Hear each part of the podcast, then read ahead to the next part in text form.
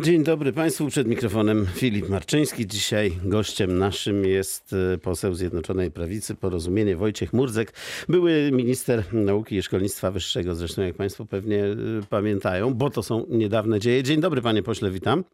Dzień dobry, witam wszystkich słuchaczy. Zacznijmy od e, wczorajszych wydarzeń w Warszawie. Marsz Niepodległości no, po raz kolejny, można powiedzieć, e, przerodził się w burdy uliczne, tym razem o takim, powiedziałbym, natężeniu dość mocnym. I jak mówię, to się dzieje po raz e, kolejny.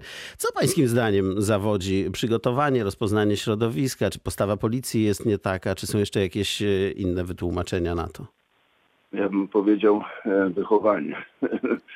A jako były minister nauki, rozumiem. Sięgnął, sięgnąłbym dalej, bo rzeczywiście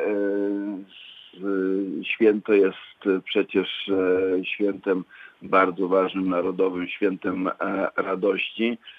Gotowość do uczczenia tego święta jest, natomiast no, brakuje takiego elementarnego przekonania, że można się e, różnić co do formy wyrazu, ale robić to z kulturą, właśnie z szacunkiem dla tego święta i tutaj e, ten element wychowania rzeczywiście e, zawodzi. No ale tego tak doraźnie nie naprawimy, wydaje mi się, więc można by było spróbować podjąć jakieś kroki szybsze, znaczy bardziej skuteczne na dziś. No tak, ale, ale to, to jest takie, taka kwadratura koła, bo jeżeli reakcja e, organów porządkowych jest e, radykalniejsza, no to budzi wielkie negatywne emocje e, i trochę napędza tą spiralę. Natomiast jest jasne, że tym razem była, był pomysł, w tej trudnej sytuacji była dobra wola organizatorów, no jednak, jednak jest część osób, która absolutnie nie, nie chce słuchać, nie chce się wkomponować w pewien taki pozytywny nurt, a jak wiemy to... W, no to wiadomo też nie od tego roku, prawda? No, wystarczy, wystarczy kilka osób, żeby e, tak jak ta łyżka dziegciu przysłowiowa, wystarczy kilka osób, żeby całą atmosferę i, i cały wymiar e, zepsuć albo przynajmniej przekierować na inny sposób patrzenia na wydarzenie i to a, jest ogromną, A czy od, odcięcie się od y, tych, którzy organizują te marsze do tej pory i próba organizacji y, tego na nowo? No, tak, tylko wiemy, że, że, że, że tego typu okazje niestety dla niektórych polityków e, są okazją do zaistnienia. Tych okazji pozytywnych politycy mają mnóstwo, żeby się wykazać. No a jednak, jednak e, bazowanie na e, pewnych emocjach, e, pokazanie się właśnie po, tych, po stronie tych radykalnych, czyli sięgnięcie do tego, do tego gremium, które lubi, że tak powiem, twarde zachowania, lubi duże emocje, no to, to tutaj politycy niektórzy e, zwyczajnie nie pomagają. Takie... Ale o którym środowisku pan mówi, panie pośle? E, no mówię, mówię w e, tej chwili również o środowisku z Konfederacji, bo wykorzystywanie właśnie takiego święta, takich zgromadzeń do lansowania jakichś teorii, w które już sami ci politycy chyba nie wierzą, bagatelizowania sytuacji koronawirusowej, e, no to, to, to, to jest e, no, jednak brak odpowiedzialności. A własne środowisko pańskie powinno się też w piersi uderzyć? E, każde środowisko zawsze, ja też osobiście powinniśmy zawsze stawiać sobie pytania, co można było zrobić inaczej, lepiej, szukać przyczyn tych wszystkich złych rzeczy i tutaj e, nie ma, nie ma tak, że, że, że któreś środowisko może się e, z odpowiedzialności próbować wyłączyć czy, czy stanąć z boku i przeczekać jakąś sytuację. No bierzemy, bierzemy odpowiedzialność za to, co się dzieje i każdy u siebie może coś poprawić, każdy może jeszcze raz e, podejść e, do problemu i, i szukać lepszego rozwiązania. To kolejna sprawa. Chciałem zapytać o losy tej e, tak zwanej ustawy covidowej, bo tutaj mm, w czasie tego, to nie był weekend, ale w czasie tego wolnego okresu, teraz tych, tych kilku dni, rzecznik rządu powiedział, że ustawa covidowa w obecnym brzmieniu jest efektem pomyłki w głosowaniach i jej wejście w życie oznaczałoby wypłacenie dodatkowych wynagrodzeń praktycznie wszystkim lekarzom. I tutaj e, dodał, że ma zostać opóźniona aż do grudnia, do momentu, e, gdy wejdzie w życie jej nowelizacja. To właściwie jest jakaś podstawa do takich działań? Jak, jak, jak to jest zrobione prawnie? Znaczy, no, to jest wyzwanie dla prawników, a. Wydaje się. A wszyscy, wprost mówiąc, co się rzadko zdarza, e, przyznanie się do błędu. No i faktycznie tutaj e, no niefortunnie, bo tych głosowań są e, dziesiątki czasami, no, jak, jak nie setki. No i powstanie błędów z tak istotnymi skutkami e, dla budżetu, no to, to, to wyjątkowo niefortunny bieg zdarzeń.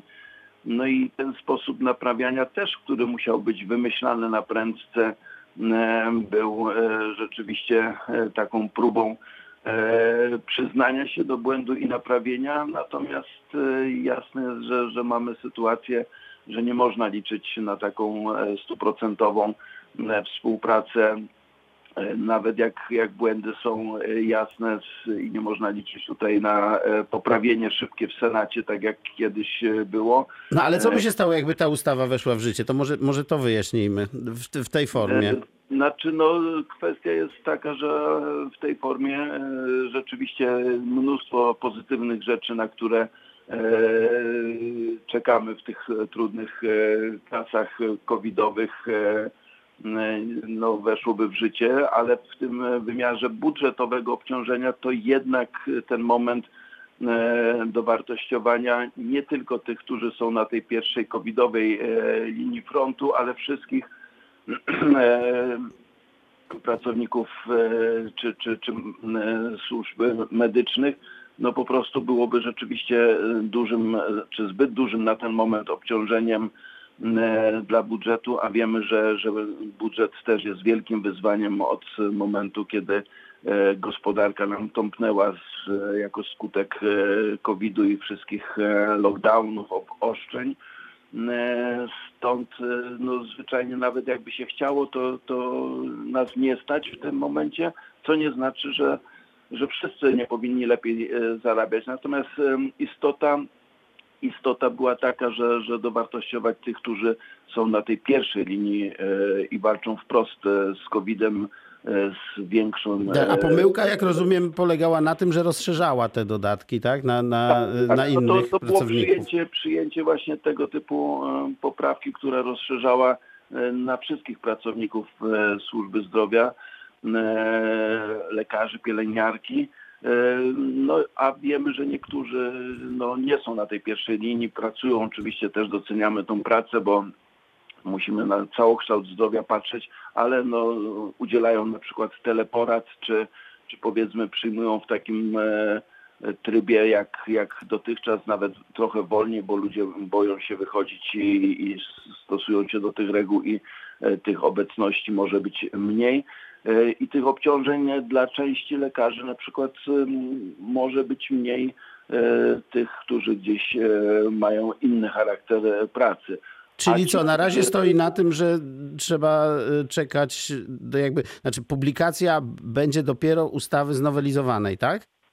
E, no tak, mhm. czyli, czyli znaczy przeczekanie z publikacją do momentu, kiedy ta druga poprawiająca e, będzie ją e, po prostu rzeczywiście poprawiała i e, ten pierwotny zamiar zostanie zrealizowany.